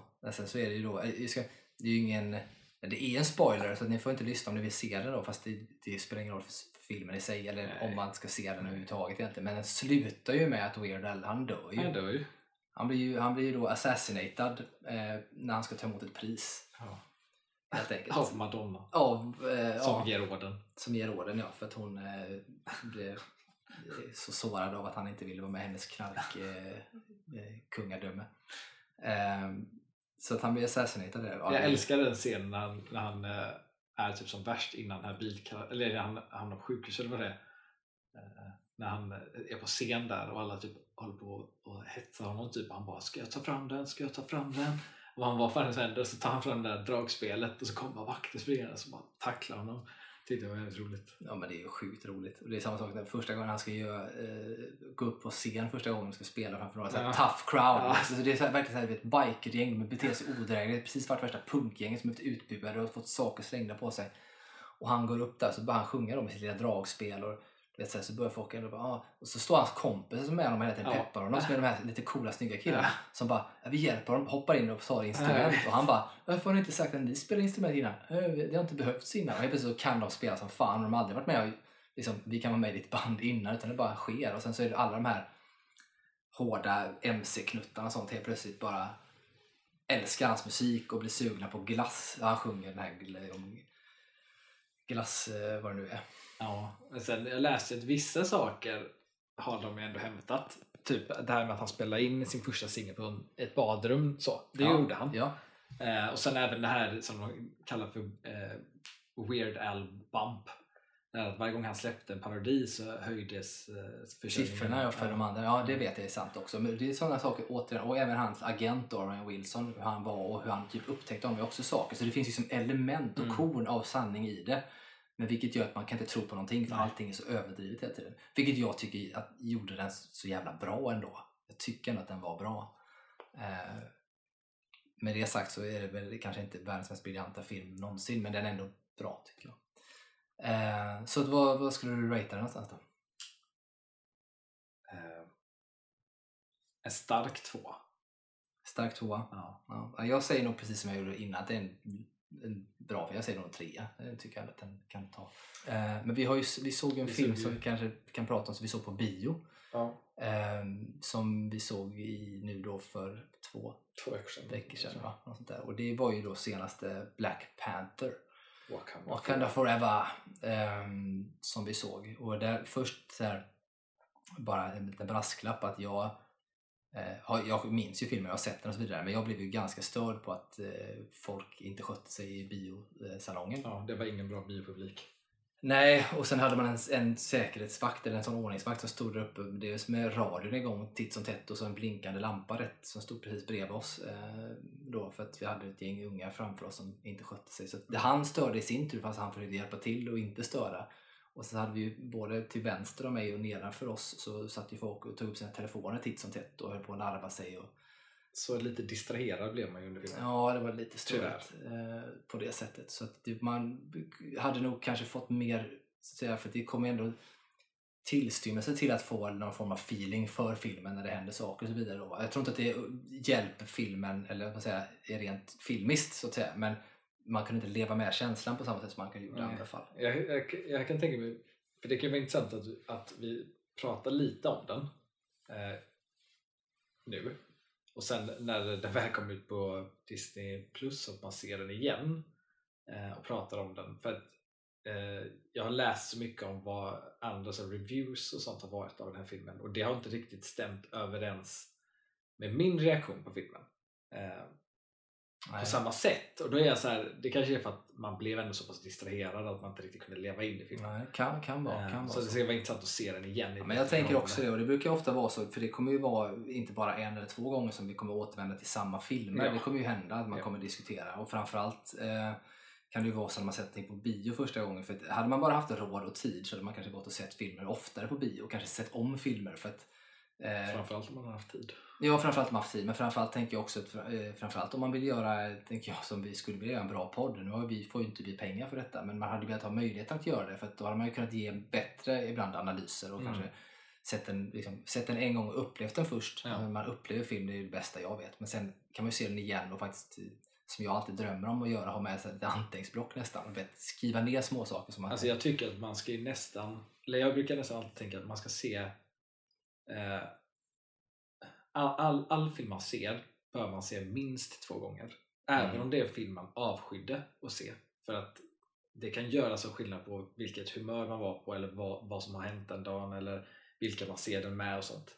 Så man behöver nästan alltid se en film två gånger, minst. Ja, nej, jag eh, håller i stort sett med dig. Eh, För om man avskyr en film och ser den igen och avskyr den igen, då vet man verkligen, okej, nu vet jag varför jag avskyr den. Ja, nej, men jag håller i stort sett med dig. Samtidigt ska jag säga att det finns nog några filmer som man sett en gång som jag känner att det här kommer jag inte se igen. Eh, det finns några. En film som, som Ja. jag såg på bio en gång av en händelse. Det var inte vare sig bra när jag skulle gå och se den av skäl i, liksom personligen just då, där och då. Men sen var filmen så jävla dålig i sig också. Som, den gav mig ingenting. Och det, filmen Paranoid Park, den kan jag återkomma till flera gånger. Men den var katastrof. Paranoid Park? Ja, det behöver vi prata om. Nej, det, nej, precis. Och det är en sån här Ja, den var så flummig. Alltså det är ändå, var ändå en hyfsat, jag kommer inte ihåg vem det är som regissör, men det är ändå en hyfsat välkänd regissör. Det går att kolla upp det, men eh, jag minns den bara att den var, den var inte bra någonstans. Alltså, så, den kommer jag inte se igen. Oh ja. Så det finns lite olika. Men vi kan ju ta Black Panther i alla fall. Vi kommer säkert återvända till den. Jag tycker också att det är kul ibland att läsa just eh, både reviews från, från riktiga recensenter men också från folk reagerar mm. för att se om det är någonting man missat, någonting man inte tänkt på eller om de tycker som man gjorde eller inte och varför och så vidare. Så det är intressant. Men nu utgår vi egentligen bara från oss själva. När vi ja. Så vad säger vi? Black Panther 2? Men det som... Eller alltså jag hade ju väldigt... Eh, alltså jag fattar ju varför de har gjort som de har gjort i den här filmen. Jag har varit kluven ända från start egentligen med eh, riktningen de valde att ta. För att jag är också sån här det, det, har mycket att göra med liksom hur liksom, filmskapandet, liksom, vad som är trendigt och vad som liksom blir populärt. För att eh, Förr var det väldigt vanligt att om, om även om en skådespelare gick bort eller om det bara handlade om att det var en skådespelare man inte kunde arbeta med eller en skådespelare som inte ville fortsätta att man bara bytte ut skådisen eh, och fortsatte liksom. Det var ju väldigt vanligt förr. Um, och ibland funkar ibland funkar det inte. Och eh, nu tycker jag att det blir så himla vanligt att om det är en skådespelare som inte kan, då har man, väljer man att liksom på ett eller annat sätt skriva bort karaktären istället.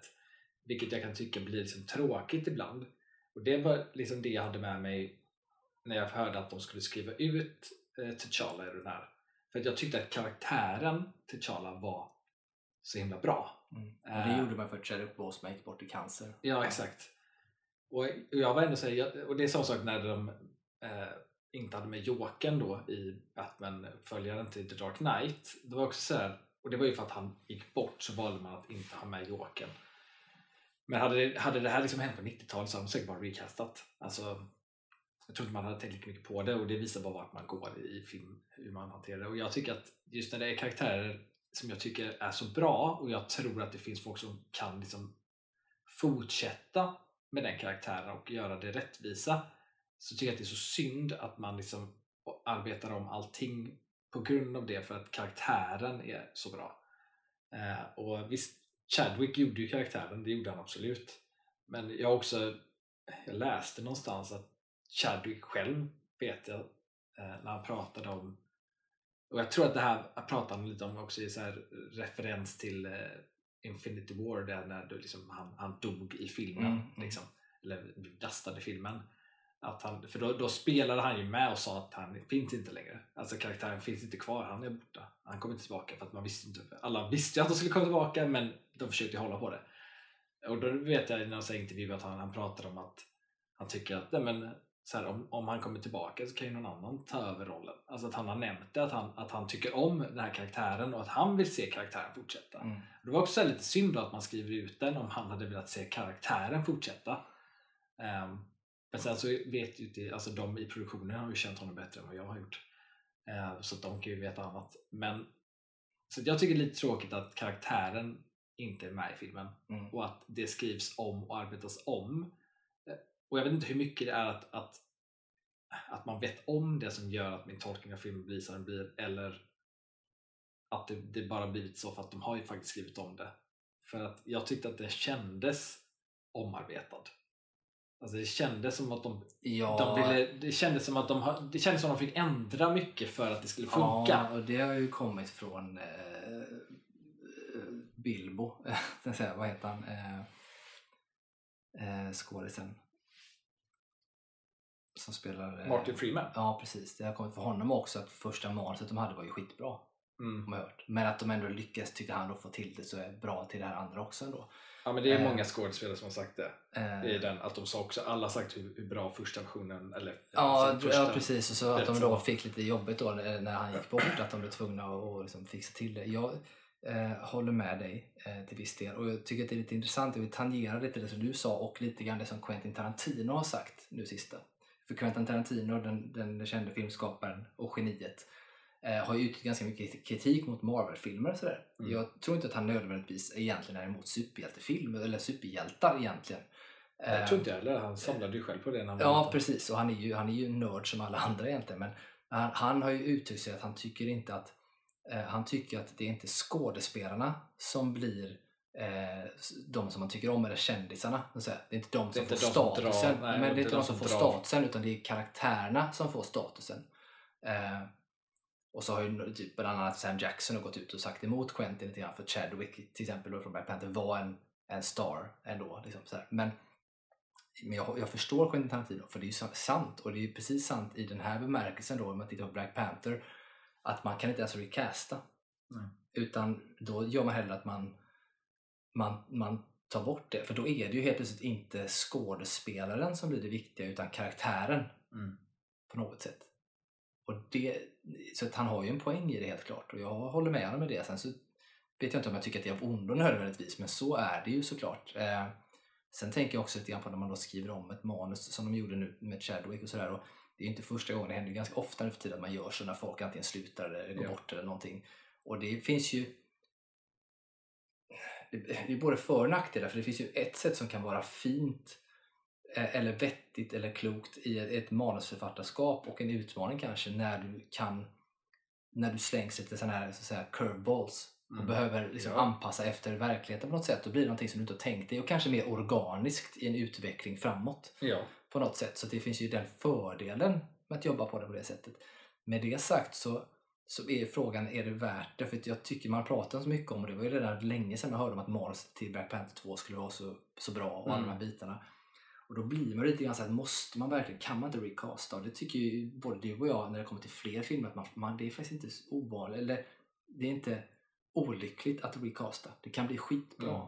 Och det är bättre att låta karaktär recasta i så fall och leva ut sin storyline som var tänkt än Ja. att hålla på och ändra för mycket. För att en sån liten skiftning kan ju skapa liksom, ringar på vattnet till, till så mycket sen och det behöver inte bli dåligt för det men det var inte det man hade tänkt. Så det är lite grann det här jag hamnar i det här konstnärskapet och, och manusförfattare, regissörer och, och skådespelares liksom, riktning och idé man har. Hur mycket ska man behöva anpassa den efter yttre omständigheter? För det är ju, då är det ju plötsligt inte film, då är det något annat man anpassar efter. då. ja.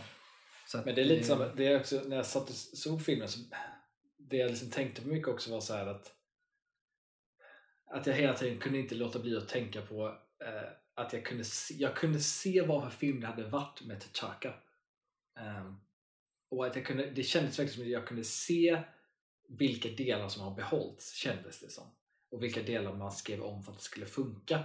För att det, det kändes som att det fanns delar därifrån som jag är rätt övertygad om var med i, i originalstoryn. Mm. Eh, såklart då Namor eh, och hela grejen med hon eh, Val eh, och hennes liksom skumheter hon gör. De delarna är med. Och sen tror jag definitivt att mamman dör. Eh, tror jag Mm. definitivt var med. Eh, och det, det som jag tycker det som, liksom blir så, det som jag tyckte var så konstigt med hela filmen, det som blev konstigt eftersom att det var omskrivning då på det och det blev liksom en berättelse om eh, Shuri istället var ju på något sätt att man behövde spendera så mycket tid av filmen att ge henne motivation till vad hon gör. För den motivationen hon, man behöver tvinga henne in i, det är motivation jag kan väldigt tydligt ha sett T'Chaka ha utan att vi behövt förklara det utifrån vad vi har sett innan. Heter han, T'Chaka eller T'Challa? T'Challa kanske han heter. Ja, jag vet inte. Nej, T'Chaka är hans pappa tror jag. T'Challa heter han. Ah, okej. Ja. Så att ju mer, alltså grejen att när man först ser filmen så tänkte jag inte så mycket igen på det. Det var lite små saker så jag tyckte det gick för fort i vändningen i slutet och, eh, och sådär. Men sen tyckte jag det var lite underhållande, det hände lite coola grejer och så och, och sådär. Men sen ju mer man tänker på det, man försöker förstå och sådär, så blir det bara så fattar jag ingenting. Eller du vet, det blir så här att jag tycker att det är så, jag, det är så svårt att köpa det för att det brukar man annars vara jävligt bra på, att man ändå förstår att det kanske inte finns ett val att göra någonting annat. Att man, att man måste göra, men här finns det så, det finns så mycket att göra innan och det är så fruktansvärt jävla korkat att ge sig in i ett liksom, fullskaligt krig mot några som man ett vill egentligen samarbeta med och de har egentligen gemensamma fiender utanför det här. Och, och ändå vill de ge sig in på att slåss mot varandra trots att de är superutvecklade bara två och man vet att massa människor kommer stryka med. Av sitt, och de säger sig hela tiden vara så beskyddande och älska sitt folk och det de gör. Ändå gör de så. Jag tänker att hade, hade, hade jag gjort så, om jag hade haft folk så här, typ, eller vår familj säger vi, jag, familj, vi ska, jag ska skydda er. Hade jag bestämt mig för att mot hotet jag har, att vi ska offensivt ge oss på det? Eller hade jag, eh, vi, vi barrikaderar oss och vi bygger upp ett bra försvar och håller liksom ställningarna?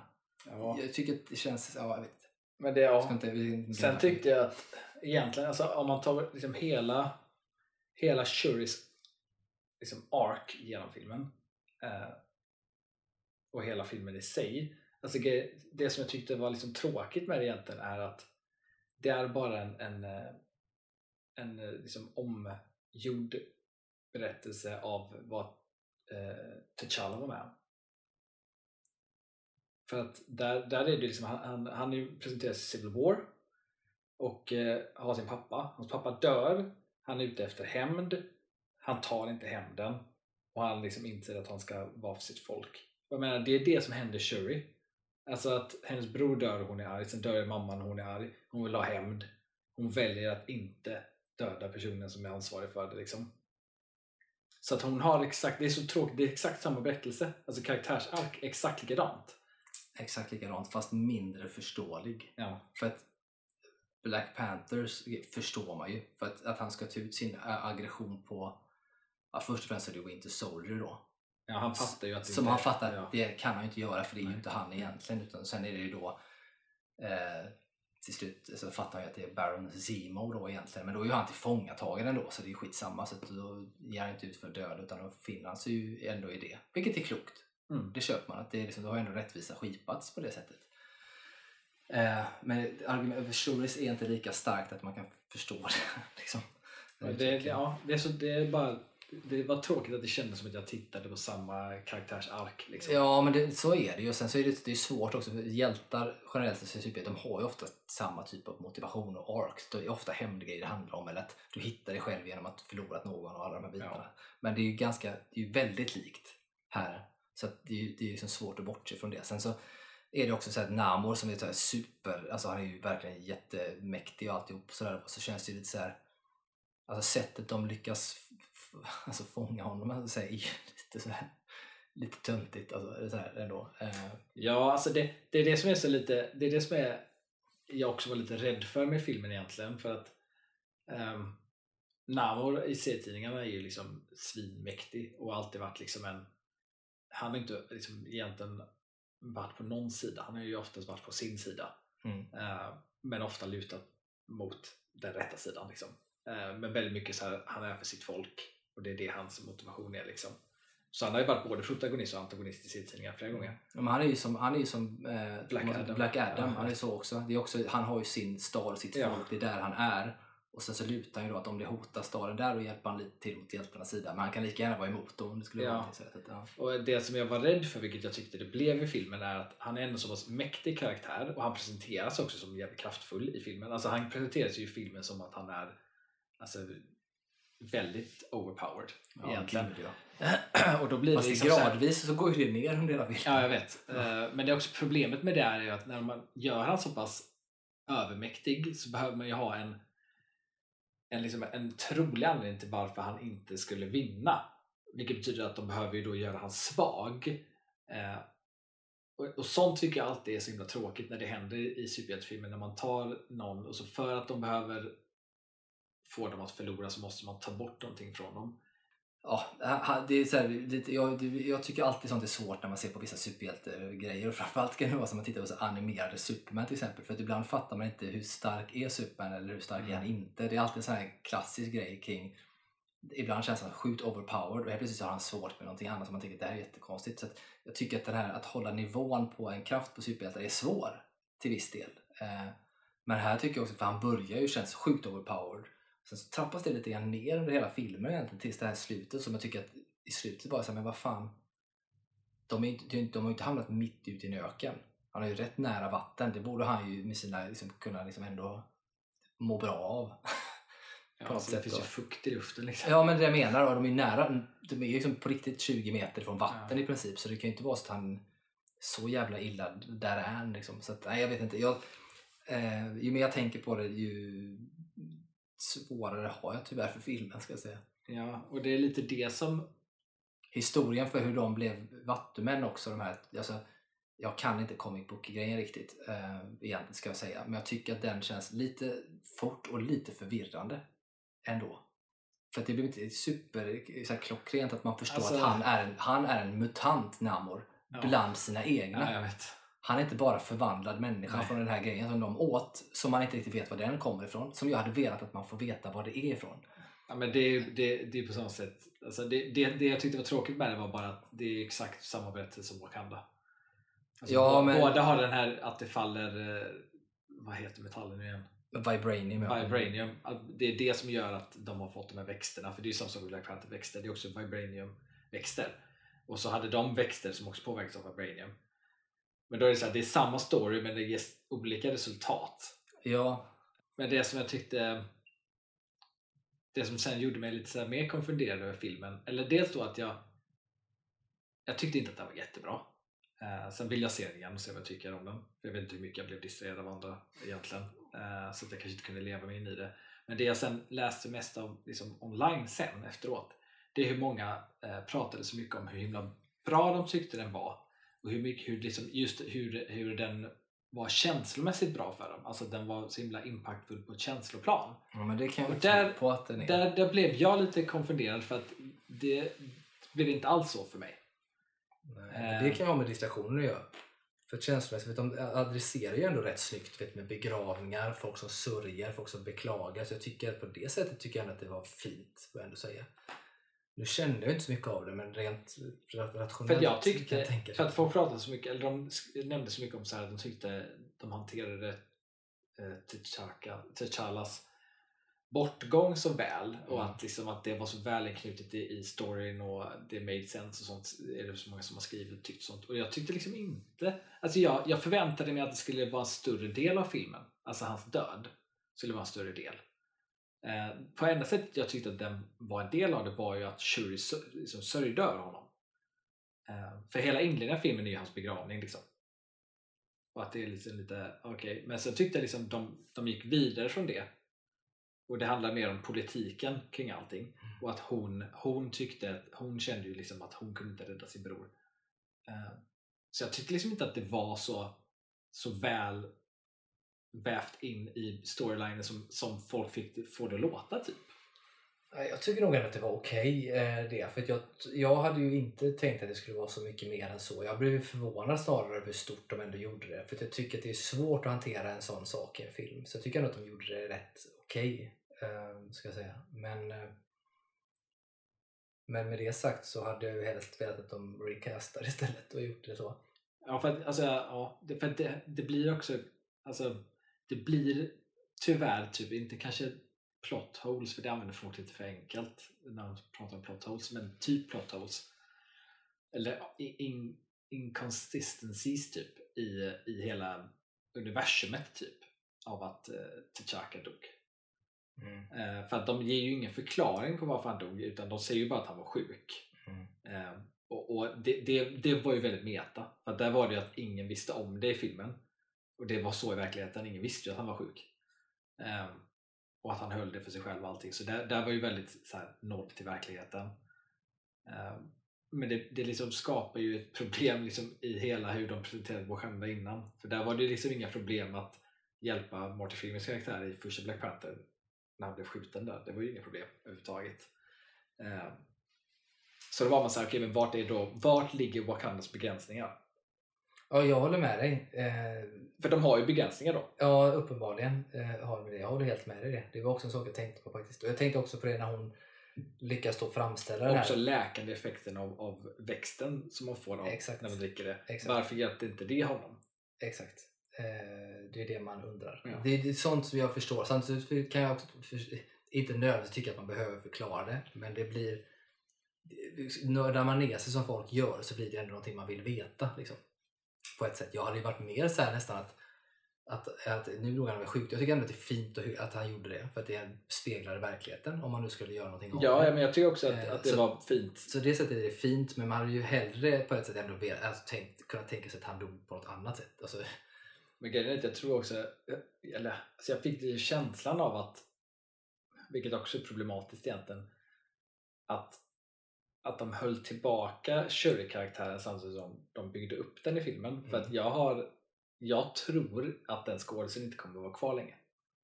Nej, och det är också en sån sak som jag tänkte så mycket på för jag vet ju också, och det har vi pratat om typ bland de första avsnitten vi pratade om tror jag, när vi gjorde podden, att eh, hon har haft en del problematik med att hon inte skött sig, hon var lite anti Antivaccin var hon Eh, under pandemin, och- vilket Disney inte var så glad över. Nej, och det vart lite sådär små... Och sen att hon har inte varit så lätt att arbeta med heller, vilket också skapar problem. Vilket gör att jag tror att och det, det tyckte jag bara kändes i filmen, som att de ville inte ge... Det är därför det kändes som att de gav henne det här lite diffusa slutet. Där hon inte riktigt är, är där Nej, är, liksom. som att liksom, vi kan lika väl vi kan glömma bort henne sen och fortsätta utan henne. Så att, eh, men nu har vi gnällt tillräckligt på den, Mm. tänker jag, och pratat rätt mycket om den. Eh, ni som lyssnar får gärna höra av er om ni tycker att vi har fel eller om vi har rätt eller om vi har missat någonting. Mm.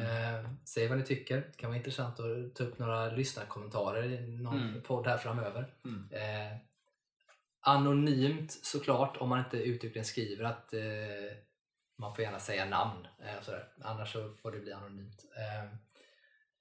Eh, så vi släpper den, men Ja. innan vi släpper den, för vi tänker vi kommer, åter, vi, kommer återkomma till den när vi sett den igen Ja. och kanske fått reflektera lite och, och, och läst på ytterligare. Eh, och då gör vi ytterligare en liten review och, och sätter eh, liksom, eh, en mängd kaffekoppar på den. Ja. Men vi sätter nu också då, med den känslan vi har just nu, vad, vad säger du på hur många av fem kaffekoppar, hur många får den? En trea. Mm. Ja, jag, är... jag gillar ju inte halvor. Jag har ju aldrig sagt en halva än, har jag gjort det? Nej, Nej, jag tror nu inte det. tvingas du till det. Ja, alltså det blir det som är lite halvjobbigt, för jag vill ju inte säga halvor. Jag tycker halvår är helt okej att säga. Nej, jag tycker inte det. Nej, jag, nej, jag, säger, jag, kommer inte, jag kommer fortsätta hålla fast vid att jag ska säga halvor. Jag säger en, en, en, en, en liten utspädd eh, trea i kaffekopp, säger jag. Okej. Så, så jag, säger, Det, jag, säger, det är ju... jag säger inte en två och en halva, Nej. jag säger en, en utspädd trea. Så säger jag, så Precis. kommer jag undan Ja, exakt. eh, i det. Men bra, det var den. Eh, en liten blänkare bara till eh, som, som eh, på vår Instagram så har, la vi ut på reelsen där. Det är flera olika saker egentligen, men två det, det hör egentligen lite grann till trailers och nyheter och sånt, men jag vill bara liksom, skicka en liten blänkare jag tycker det, det verkar lite roligt. Den ena biten är ju eh, Cocaine Bear. Eh, en film som ska komma eh, nästa år, som kan bli 2023s bästa film. Eh, Men det var det. så jävla bra. Den är baserad på eh, verklig händelse. Eller inspired ska jag säga, by Mm. true events. Det är liksom en, en komedi, skräckkomedi. Jag tror inte ens att det är så mycket skräck egentligen. Men det är ganska mycket stora skådespelare i den. Alltså kända skådespelare och sånt. Men det handlar alltså om en, om en björn som som sagt inspired by true events helt enkelt eh, får tag på via drogsmugglare då ett paket kokain som den sätter i sig och sen wreak havoc i någon liten stad någonstans i USA. Sjukt roligt. Det har jag-. Fan, jag har det någonstans långt in i huvudet känns som att jag har läst alltså typ någon nyhet om det någon gång. Ja, möjligt Eller man har gjort. Ja, men det kan nog stämma. Men hur som helst, det, det, det som händer i filmen händer nog inte i verkligheten ska jag säga. Men, eh, men tittar man på trailern, det är ju en sjukt rolig trailer. Det finns trailer på den till Ja, ja, gud ja. Det Måste kom jag här i. förrgår tror jag. Det är så här, nu märker ni hur mycket till och med Jens tittar på vår Instagram Reels. Ja. Eh, så. Eh, men den kan man ju absolut spana in den trailern. Som sagt, det är ganska mycket eh, så ändå kända skådespelare, stora skådespelare som är med i den. Så och jag tänker att just det här glimten i ögat, komedi med så här helt coked out bear som jagar folk. Liksom. Så att den är bara ett tips som ni kan se fram emot 2023. Jag tror att den kommer relativt, relativt tidigt också. Jag tror att det är typ i februari redan, där, men jag är osäker. Eh, så det var den. Och sen då ytterligare en som jag tyckte var lite rolig är en eh, inofficiell uppföljare till Grinchen. Eh, med, alltså, men den här när han, ska, han är en skräckfilm. Ja, det är en skräckfilm. Jag såg trailer på den, för fan vad tråkigt. Ja, alltså det, det här är, det är ganska, den är tråkig. Jag tror inte att nödvändigtvis att det är superbra. Men jag tyckte att den var lite rolig. Premissen för att det är alltså Grinchen som är gjord med Jim Carrey, den klassiska Ja. julfilmen som vi ser.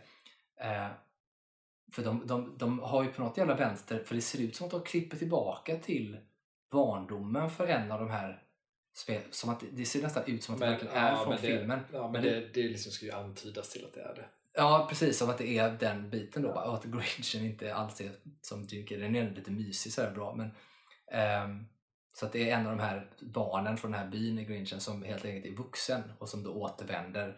Och så är det liksom då den här mördaren som mördade hennes pappa och den här Grinchen som då har återvänt. Och det här liksom tar en twist som så Grinchen är liksom inte god utan är verkligen ond och en seriemördare i princip. Mm.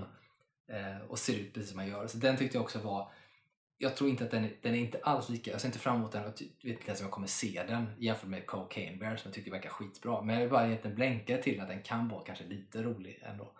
Eh, I det. Just för att det blir, när man gör en, de försöker göra den seriös ändå, som en skräckfilm. Fast, och spelar Jag tyckte, seriöst. ändå att, jag tyckte ändå att det kändes som att den var liksom att det var meningen att vara en B-skräckfilm. Ja, det tror jag nog att det kommer vara. Men det är det som är det roliga, är att skådespelarna är ju seriösa när de gör det. Ja, ja. Till skillnad från om man tittar på Cocaine Bear så är allting med glimten i ögat. De överspelar liksom och håller på sådana saker. Så det är så skillnad i det, vilket jag tycker är lite roligt. Ehm, ja, nej, det var egentligen bara de två grejerna jag tänkte nämna. Cocaine Bear framförallt, kolla trailern. Uh, sjukt bra. Men eh, då så. Då går vi in på sista momentet för dagen. Yes. Som är Kiss, Mary Kill.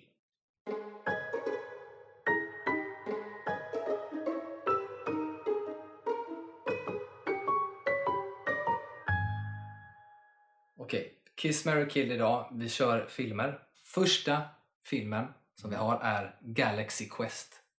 Mhm. Andra filmen är Bumblebee. Och den tredje och sista filmen är Harry Pot- Potter and the Deathly Hallows Part 2. Så att de tre filmerna har vi och då börjar vi som vanligt med dig Jens. Vad är dina tankar kring de här? Först och främst ska jag säga att det är ju tre, tre bra svårt. filmer det här, faktiskt. Det här, var, det här är nog den svåraste Kiss Mary Kill jag har. Ja, det skulle jag nog säga. För att den, eh, det är faktiskt tre filmer som jag tycker väldigt mycket om allihopa. Eh, herregud. Eh, det är så mycket man får säga, ställa sig in och säga Harry Potter, det blir så här måste man fundera på hur mycket gillar man part 2 av alla Harry Potter? Ja, Um, Galaxy Quest är ju så jävla rolig. Så jävla underskattad film. ja, sjukt underskattad. Galaxy Quest för övrigt, för er som inte sett den, är ju som en Star Trek-parodi kan man nästan säga. Eh, Med Tim Allen och Sigourney Weaver och Alan Rickman Ja. eh, i rollerna. Så det är bra skådisar och en kul film. Om, om skådisar som spelar Star Trek-skådisar men som då ja Blir kidnappade Star Trek, av- ja. Galaxy Quest skådisar. Ja, precis. Det heter ju Galaxy Quest. Men de blir kidnappade av riktiga rymdvarelser för att hjälpa dem mot ett hot. Ja, för För att de, de tror att de är riktiga. ja, de har fått de här tv-avsnitten eh, sända till sin planet då liksom. De Ja, tror att det är de historiska dokument. Exakt. Så att de eh, behöver hjälp. Exakt. Ja, det är jävligt bra. Sjukt bra. Eh, jag tror jag börjar med att jag, jag, eh, jag ki- killar off Bumblebee. Mm. eh, bara för att jag, alltså jag klarar mig utan den filmen. Alltså det är ändå en av de jag skulle nog säga att det är nog min favorit av alla Transformers-filmerna. Samma här. Eh. Utan tvekan. Efter, eh, de- den, den är min absoluta favorit. Tvåa kommer Transformers första. Ja. Sen är För resten Bumblebee ty, dåliga. tog, tog det åt ett mycket bättre håll och Mm. gjorde allting mycket bättre. Ja. Ehm, kommer för övrigt en ny Transformers jag vet, jag såg det. Uh, besviken att Haley inte var med. Eh, men okej, jag killar Bumblebee bara för att jag kan klara mig utan den. Mm. Eh, sen kör jag Kiss på Harry Potter Part 2 för att jag kan se alla andra sju. jag kan överleva att se de andra. Så att eh, jag- klarar mig tror jag. Mm. Ehm, och sen väljer jag att marry Galaxy Quest. För den vill jag ha kvar. Mm. Ja, intressant. Kul. Jag, jag förstår precis hur du menar. Nu tycker jag att det är skitjobbigt. Ska jag säga. För att jag älskar ju Harry Potter. Jag är en sån jävla Harry Potter-nörd. Bland annat. Alltså, av många, många saker så är det så här, Harry Potter, Star Wars, Sagan om ringen. Eh, det är också Harry Potter, det är lite fusk att det blir en Harry Potter-film. För att Alltså Harry Potter, jag älskar Harry Potter något otroligt men ändå så här, i bakhuvudet så är det så här, okej om jag aldrig ska kunna se filmerna igen så kan jag åtminstone läsa böckerna. Ja, så är det ju. Sen är det, den är ju vansklig alltså. Det, det, det är svårt. Det är jättesvårt. Men samtidigt så är ju premissen, premissen är ju också för man vet, alltså det är svårt att säga nu är det den här premissen. På, Det hade egentligen varit, egentligen hade varit så bättre att man hade sagt kanske Harry Potter-serien. Nej, det är fusk. Eh, men det är som sagt, det är svårt. Eh, och det, ja, det är jävligt svårt faktiskt. Jag...